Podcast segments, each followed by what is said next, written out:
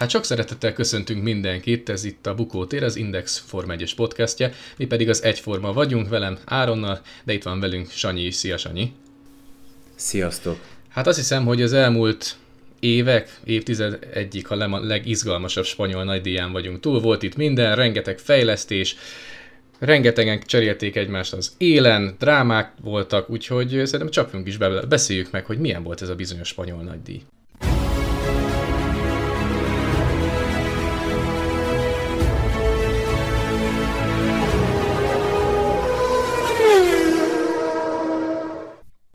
Hát kezdjük rögtön azzal, hogy szokás szerint a csapatok mindig szinte a spanyol nagydíjra időzítik az első átfogó nagy fejlesztési csomagjaikat. Hát ez most se volt másképp, leszámítva egy csapatod, de hát majd róluk is majd beszélünk.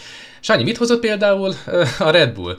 Itt elsősorban arra gondolok, hogy én azt olvastam, hogy az osztrákok drasztikusan tudták fogyókúrára fogni a picikét elhízott Red Bullt, ugyanis ha jól, jól olvastam, 7-8 kilótól tudtak megszabadulni.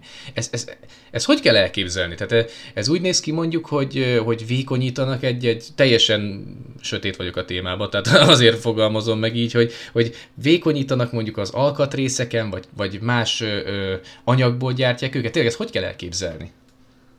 Szerénykedsz így, de aztán, aztán már egyre jobban tudod az aerodinamikai kérdéseket is. Úgyhogy de ez, ez, ez nagyjából úgy néz ki, hogy, hogy van egy ö, fejlesztési terv, ami, ö, ami, ami szoros időkorlátokhoz van kötve.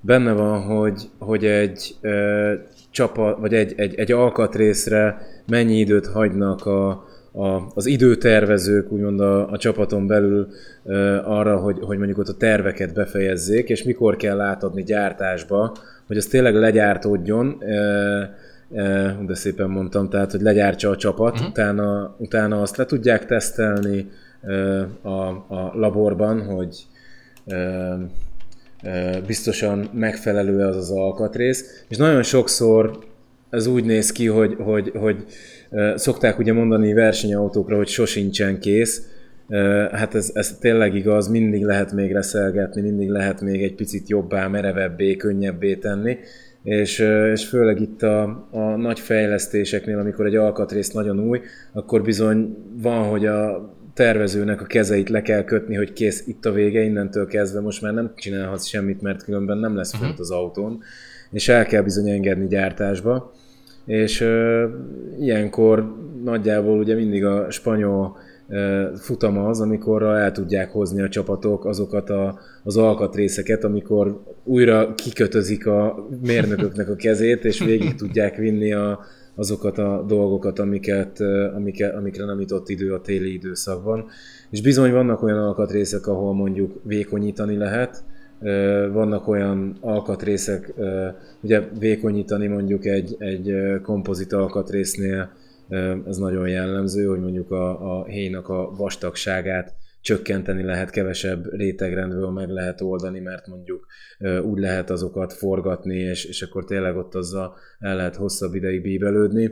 Fémalkatrészeknél meg általában a, a, a gyenge láncszem az nem is az, hogy mennyire, tehát hogy egy terhelést kibírjon, hanem, hanem hogy a sok terhelés hatására ne fáradjon ki. Tehát kifáradásra, méretezésnél mérnökök keresik azok a, azokat a magas feszültségű pontokat, amik, amik így kritikusak lennének kifáradás szempontjából, és, és az, hogy, hogy ezeken a pontokon a feszültséget lejjebb vigyék, lehet, hogy valamelyik részen vékonyítani kell, lehet, hogy valamelyik részen vastagítani kell, és hogyha így ezeket a feszültséget mondjuk egy ponton lejjebb tudják vinni, akkor lehet, hogy egy másik részen meg sokkal jobban ki lehet könnyíteni az alkatrészeket, és nagyjából ez a játék, ilyen iterációs játék az, amíg az alkatrészeket könnyebbé lehet tenni azt a mindenit. Ezt, hogy elképzelem, ez olyan, mint tényleg mondjuk a mint egy csillagpontszerűen összekötözgeted egy, egy rajzlapon a dolgokat, hogy na, hogyha ez megvolt, akkor in, erre el tudok menni, de nem erre, nem akkor arra. Aztán ez nem is gondoltam, hogy ennyire,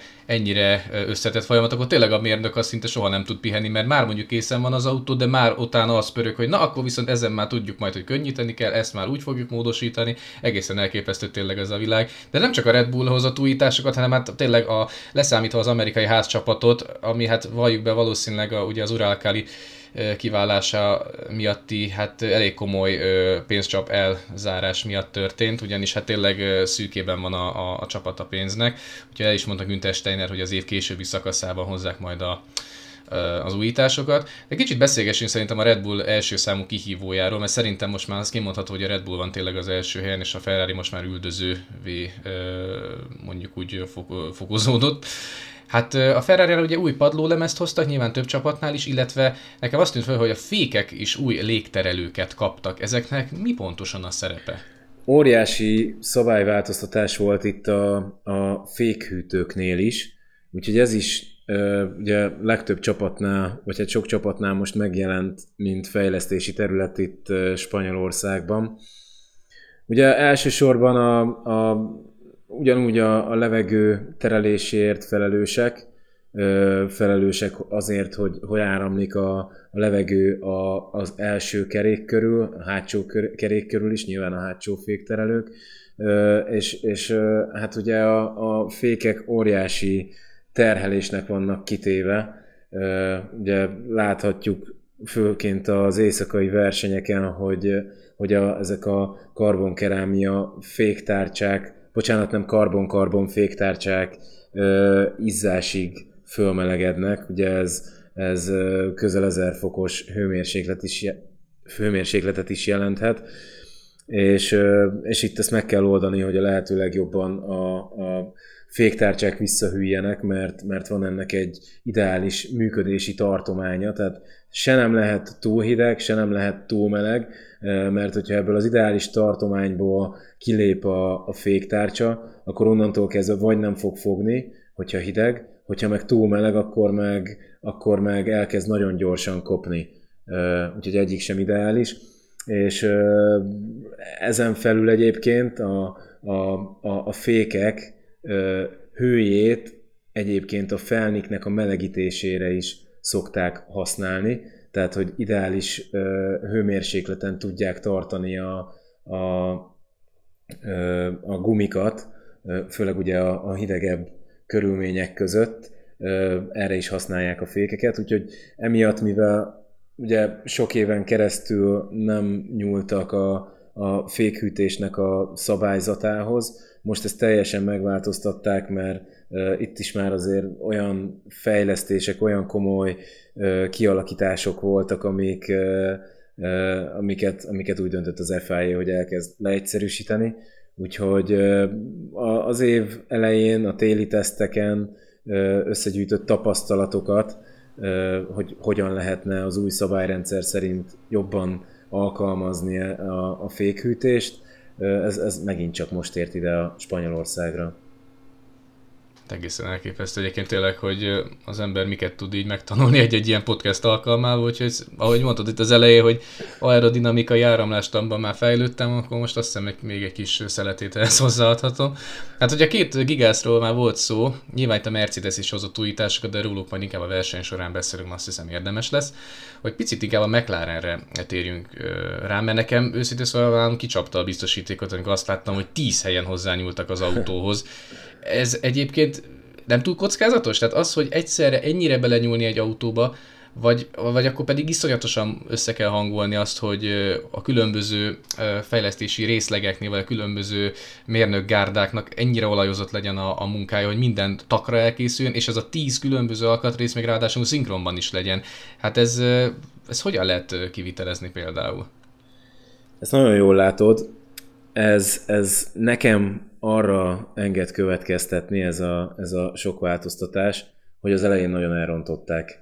Tehát kb. olyan, mintha újra kezdték volna az autónak a tervezését, és egy egészen más koncepciót szeretnének megvalósítani. Ugye első szárny találkozik először a, a levegővel az autón, és, és onnantól kezdve elkezdi formálni a légáramlatokat, és akkor ehhez hozzá kell illeszteni a, az összes többi alkatrészt is. Hát itt nem arról volt szó, hogy a, az első szárny egy picit finom hangoltak rajta, hogy, hogy valamelyik területen jobban menjen, hanem konkrétan tényleg mindenhez hozzányúltak. Tehát egyébként látszódott is a, a szezon elején, meg a téli teszteken, hogy nagyon mellé nyúlt a McLaren itt a szabálymódosításoknál, és, és valószínűleg pont ennek a kiküszöbölése, tehát lehet, hogy most már kezdtek följebb jönni az elmúlt néhány versenyre, de, de valószínűleg a beállításokkal, meg a finom hangolásokkal elérték a korlátokat, és, és nem volt más lehetőség, mint hogy tényleg szinte újraépíteni az egész autót. Hát náluk jobban tényleg csak az Aston Martin tette ezt, illetve az Alfa Romeo legalábbis ugye a, a alapján. Ez ugye az Aston Martin meg is, azonnal meg is támadta még a Red Bull is azzal, hogy hát az egész autót róluk koppintották, és hát tényleg, hogyha azt nézzük, nagyon hasonlít a külsőben a, a megújított, szinte B autója az Aston Martinnek a, a, a Red Bulléhoz, de hát azért nyilván az ördög a részletekben rejlik, aztán Stroll is ugye elmondta, hogy hát hogyha ez egy koppintott autó lenne, akkor nem a Q1-ben estek volna ki, meg volna a versenyen, de tényleg ez vajon, meg, te mennyire érzed azt, hogy tényleg a Red Bullt abszolút koppintották, vagy pedig inkább csak egy mondjuk úgy finoman egy ihlet forrásként használták fel az osztrák autót? Mennek azért itt is ezek a kis ö, ö, ö, bajusz húzogatások a, a csapatok között. Uh-huh. Ö, természetesen megpróbálják a lehető legjobban a többi csapatot visszafogni, hátráltatni, ez is a versenynek a része. Valószínűleg, bár nem nagyon veszélyezteti egyelőre a, a, az Aston Martin a Red Bull-t, de azért, azért egy kicsit oda pörköltek nekik. Valószínűleg igen, sok ötletet vettek tőlük, de, de egyrészt ezt az FIA szabályozza, tehát ugye most már nagyon komolyan le van korlátozva, ugye amikor volt még Racing Point és a Merci közötti kapcsolat, utána, utána alakult ki az a szabályrendszer, hogy, hogy mi az, ami megengedett, és mi az, ami nem. Én azt gondolom, hogyha, hogyha ez, ez nem lenne szabályos, tehát ugye nem a szabályok keretein belül történt volna ez a koppintás vagy ihletgyűjtés, akkor, akkor nyilván abban az FIA is beleszólt volna. És amit még itt el szerettem volna mondani, hogy, hogy korábban is azért mindig megvoltak ezek a dolgok. Hogyha valakinek volt egy jó koncepciója, gondoljunk vissza csak a, a dupla diffúzor idejébe, vagy a fújt diffúzor, pontosan, vagy pontosan. az f vagy sorolhatnánk ezeket a dolgokat, akkor, akkor megy utána a többi csapat is. Most lehet, hogy nem volt ennyire látványos a, a Red Bullnak a megoldása, de, de azért ez kikerülhetetlen. És valahol azt gondolom, hogy egészséges is, hiszen azt szeretnénk, hogy hasonló autókkal tudjanak versenyezni a, a pilóták, és akkor lássuk az ő teljesítményükben a különbséget. Persze jó az, hogyha egyik autó itt jobb, a másik meg ott, és akkor még izgalmasabb lehet, de azt gondolom, hogy azért ez, ez, ez a, a természetes fejlődésnek a része.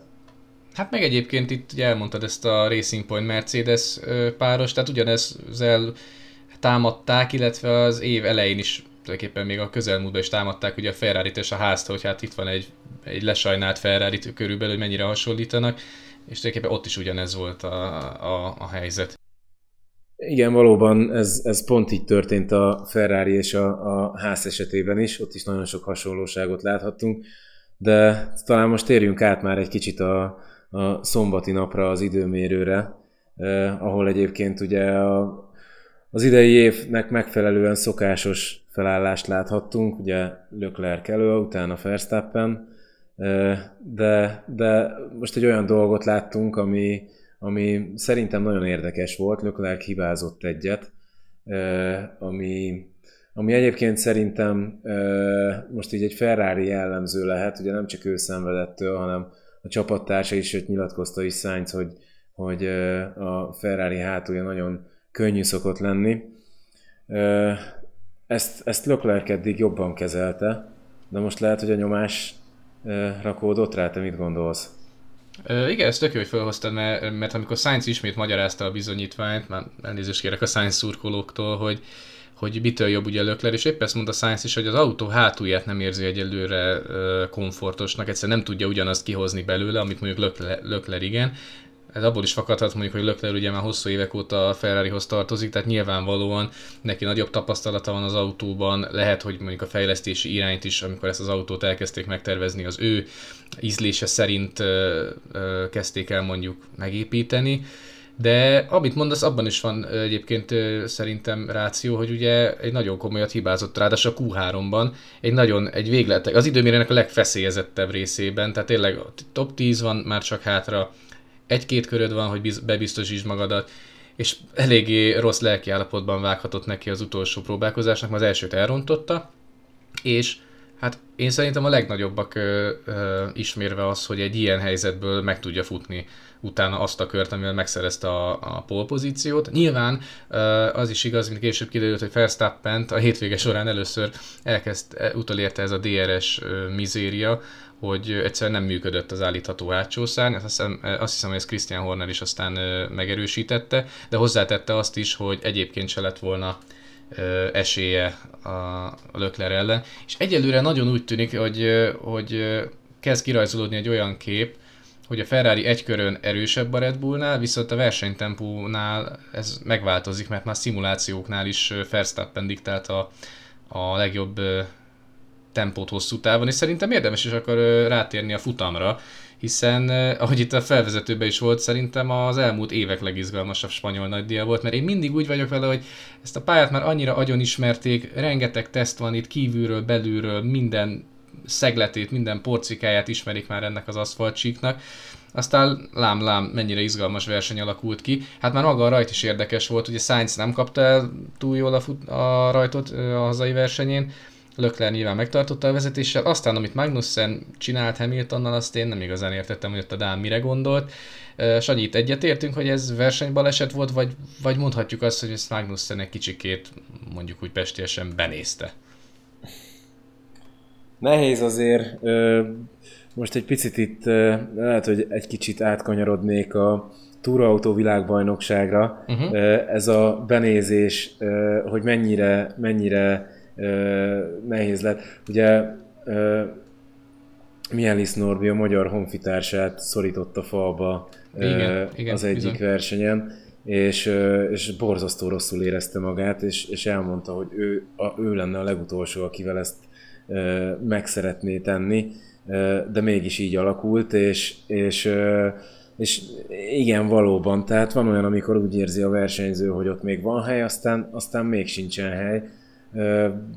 Én nem, nem húznám rá azért a véres leplet Magnussenre, persze lehet, hogy látnia kellett volna, de, de, de azért csak egy Forma 1-es versenyről beszélünk. Igen, ráadásul tényleg az, egyrészt hosszú a, a vágta az első kanyarig, meg utána nagyon sok esetben volt a, utána a e, négyes kanyarba vezető elnyújtott e, jobbosban e, baleset. Ugye néhány éve ott, ott is a házok voltak a főszereplők, akkor Grozsan csúszott keresztbe például. Én is inkább azt mondom, hogy ez egy klasszik versenybaleset volt. Mm, nyilván aztán nem is nagyon le kellett senkit büntetni, mert mind a két versenyző visszaesett a mezőny végére. És hát onnantól kezdve az ember elkönyvelte, hogy jön a szokásos kép, Lökler és Verstappen elhúz kettesben, és akkor utána majd valamikor Verstappen valószínűleg támadásba lendül, de hát nem ez történt, hanem hát Carlos Sainz úgy tűnik, hogy továbbra se tud ki kászálódni abból a gödörből, ahová, hát nem is tudom, önmaga jutatta saját magát talán, egy picikét Lökler is, nyilván nem direkt módon, meg talán az, hogy ezt a ferrari egyelőre nem tudja kezelni.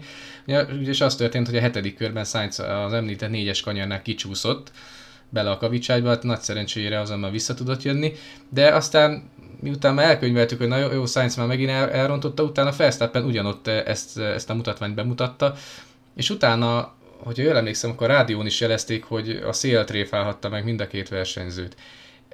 Ez hogy lehet szerinted elképzelni, hogy mennyire érzékenyek mondjuk ezek az autók tényleg az ilyen széllőkésekre? Tehát mondjuk összehasonlítva azzal, amit még mi érzünk mondjuk az autópályán, amikor egy kamion mellé beérünk, megelőzik, és utána szokott jönni ugye egy nagy turbulens áramlás, nyilván, hogyha éppen szeles az idő. Ez egy Form 1 autónál gondolom aztán hatványozottan igaz. Nekem inkább egy olyan hasonlat jutott eszembe, amikor amikor télen megyünk egy havas úton, és, és ugye sokkal könnyebb egy havas úton elérni a tapadásnak a határát, és, és ugye amikor, amikor azt elérjük, akkor szépen megcsúszik az autó. Ezt, ezt, ezt úgy tudnám szemléltetni, ugye ezek a, a versenyzők, amikor féktáv van, kigyorsítás vagy kanyar, akkor mindig ezen a tapadás határon mennek, mint hogyha mondjuk mi mennénk a havon, és jön egy, egy hátsó széllökés, ami azt jelenti ugye, hogy a hátsó szárny hatékonysága lecsökken, ugye lecsökken a, a levegő, levegőhöz képesti sebessége a, a, az autónak, emiatt kisebb lesz a leszorító erő, ergo a tapadás határ megváltozik, és ahol addig fékezett, ott az már késő lesz, hiszen, hiszen nem tapad úgy a, a hátsó kerék. Körülbelül olyan, mint hogyha a hóról átmennénk a jégre, úgyhogy nem számítunk rá, és akkor Uf. ott szépen megcsúszunk. Azt a mindenit. Igen, tehát amikor mondják régen a közvetítésben mondták, hogy sok, sok volt, sok volt, akkor lehet, hogy ezt esetleg erre is értették, hogy pont azon a tapadás határon már túl volt mondjuk az autó. De hát mondom, tehát nagy szerencsék volt, mindeket nem folytatni tudták a versenyt, és szerintem utána ez hozta meg aztán az igazi fordulatot a versenyben, hiszen Lökler szépen az élen el tudott lógni. Mondjuk ettől függetlenül meg Sainzra visszatérve azért, hát ez nagyon rossz lehet egyébként. Tehát az, hogy ott van a csapattársad, aki hát azért halom, halomra nem nyeri magát, de ott van az elejében folyamatosan, nagyon keveset hibázik, borzasztóan stabil, miközben nekem az jut róla eszembe, amikor mondjuk Nelzinho Piqué került a Forma 1-be a Renault-nál, és hát Alonso, jó, nyilván Alonso egy nagyon nehéz csapattárs volt, nem, nem emberileg, hanem a teljesítménye miatt, és hát az látszott Nezinho Pikén, hogy teljesen el van veszve, tehát nem bírta a nyomást, pocsék versenyei voltak, és most valahogy Sainzon is egy picikét így ezt érzem, és hát az a baj, hogy ő azt mondta, hogy neki nem kell sportpszichológus, mert évtizedek óta versenyez. Tehát az a baj, a felfogása is egy picikét ilyen, ilyen spanyolosan dafkés, de hát mindegy, de hát olyan szempontból még nem mindegy, hogy a Red Bull ellen, amely jelen, jelen pillanatban ezzel a Verstappen Perez párossal egyértelműen a Ferrari fölé tudott kerekedni, hát nagyon kellene a spanyolnak minden egyes pontja, főleg úgy, hogy nagyon úgy tűnik, hogy a Mercedes is bizony-bizony megérkezett ebbe a buliba.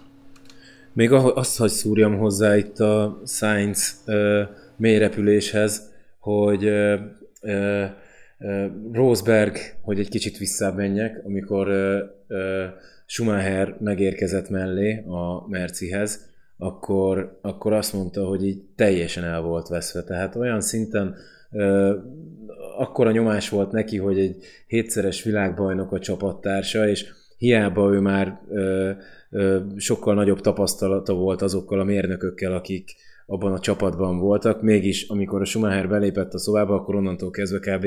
senkit nem érdekelt, hogy mit mond, mert mindenki a Schumacherre koncentrált, de, de eszembe jutott még az a hasonlat is, vagy hát ehhez a helyzethez hasonló szituáció, amikor Gasly nagyon tehetséges tororoszós versenyző följött a Red Bullba egyszerűen nem, nem sikerült neki sehogy se normális eredményt összehozni, törte az autót, rossz eredményeket érte el, és tényleg nagyon rossz hátvédje volt akkor Verstappennek, majd visszatették a, azt nem tudom, akkor még Toro Rosso volt, vagy már Alfa Tauriba, és ott elkezdett újra tündökölni. Úgyhogy ez, ez, ez egy ilyen nagyon érdekes dolog, hogy kinek hol megy, de igen, szerencsétlen Sainz szenved.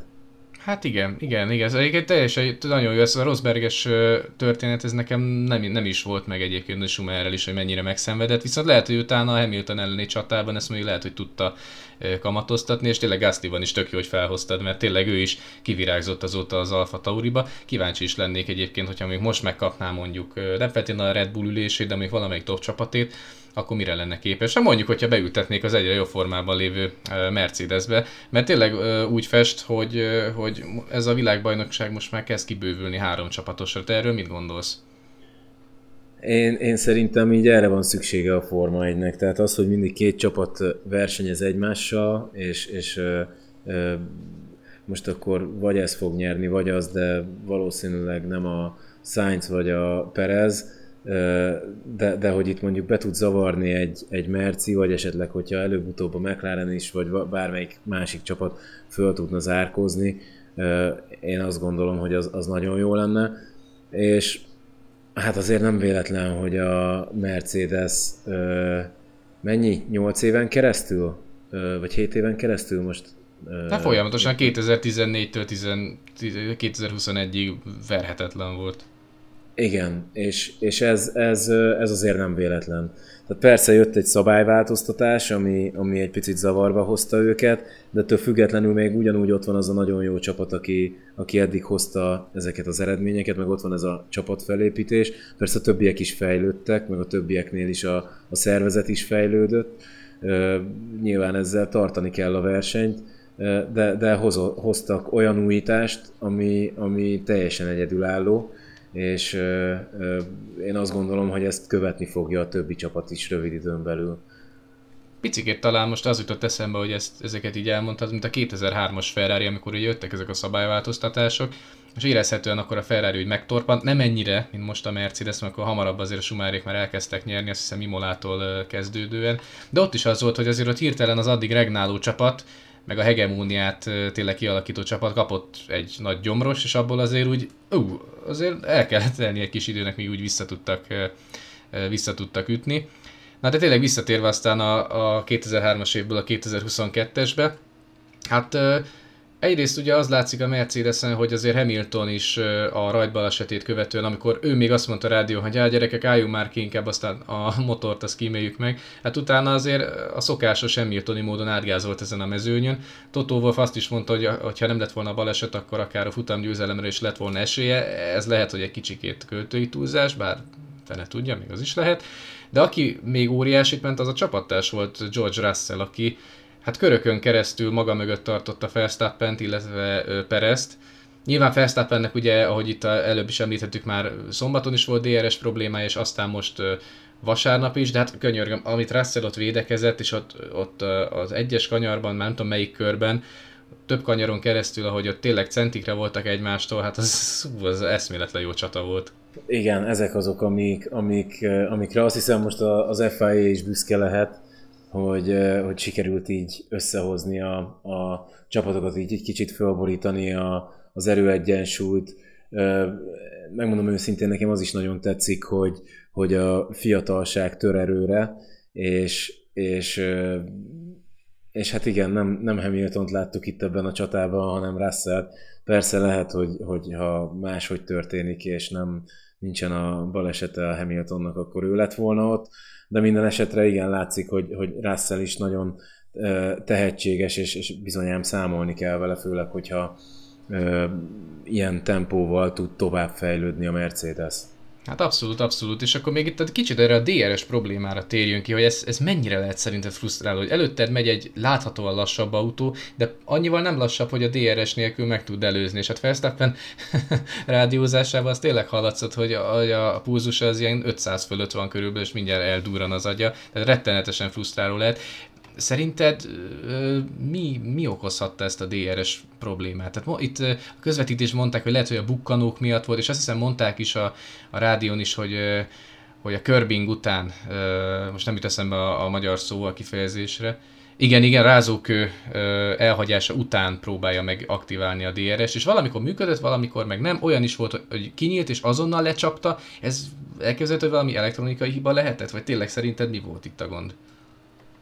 A pulzushoz még annyit hagy fűzek hozzá, bocsánat, hogy itt egy Nyugodtan. kicsit csapongok, de a MotoGP-ben mérik a pulzusát igen, a igen. versenyzőknek, kíváncsi vagyok ez a forma, hogy mikor fog bejönni, mert ez is egyébként nagyon érdekes. Igen, ez lenne. igaz, ez igaz. Szóval a DRS kérdésre visszatérve,